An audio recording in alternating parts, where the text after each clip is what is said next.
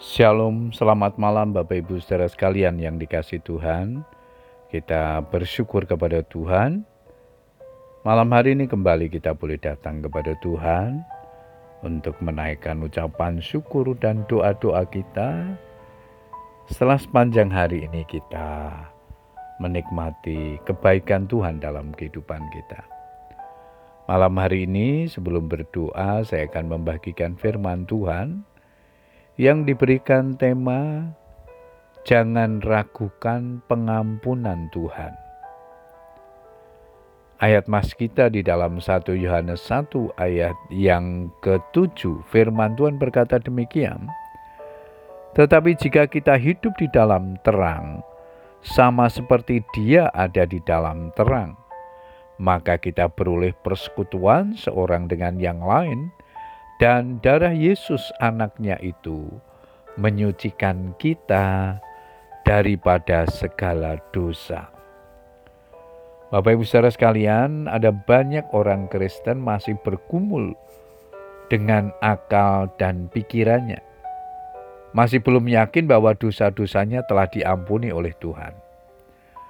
Pertanyaan dalam hati mereka pun semakin menjadi-jadi ketika mereka membaca ayat ini. Jika kita berkata bahwa kita tidak berdosa, maka kita menipu diri kita sendiri dan kebenaran tidak ada di dalam kita. Memang benar bahwa semua manusia telah berdosa, tetapi jika kita mengaku dosa kita, maka Ia adalah setia dan adil, sehingga Ia akan mengampuni segala dosa kita dan menyucikan kita dari segala kejahatan. Ketika kita mengaku dosa di hadapan Tuhan, dosa yang lama itu sudah diampuninya.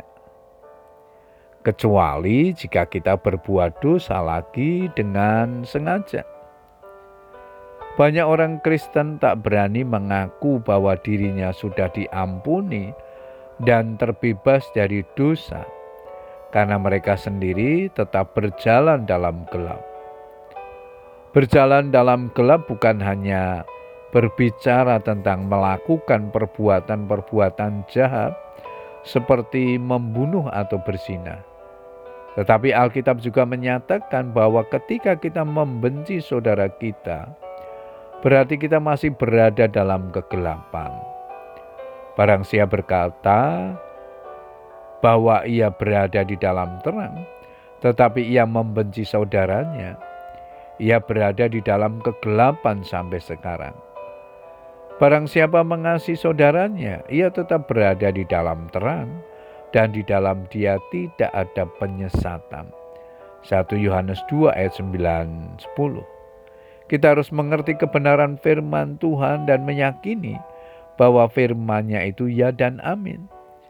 Jika kita tak mengerti kebenaran ini, maka selamanya kita akan terus terbelenggu oleh rasa bersalah dan hidup dalam ketakutan. Dan kamu akan mengetahui kebenaran, dan kebenaran itu akan memerdekakan kamu. Yohanes 8 ayat 32 Jika Tuhan sudah berkata bahwa darahnya telah menyucikan segala dosa kita, maka kita harus percaya kebenaran ini.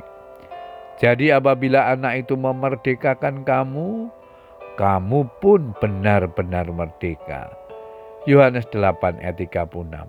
Artinya, jika kita melalui pengorbanan Kristus sudah dibebaskan dari segala dosa kita, kita benar-benar telah diampuninya.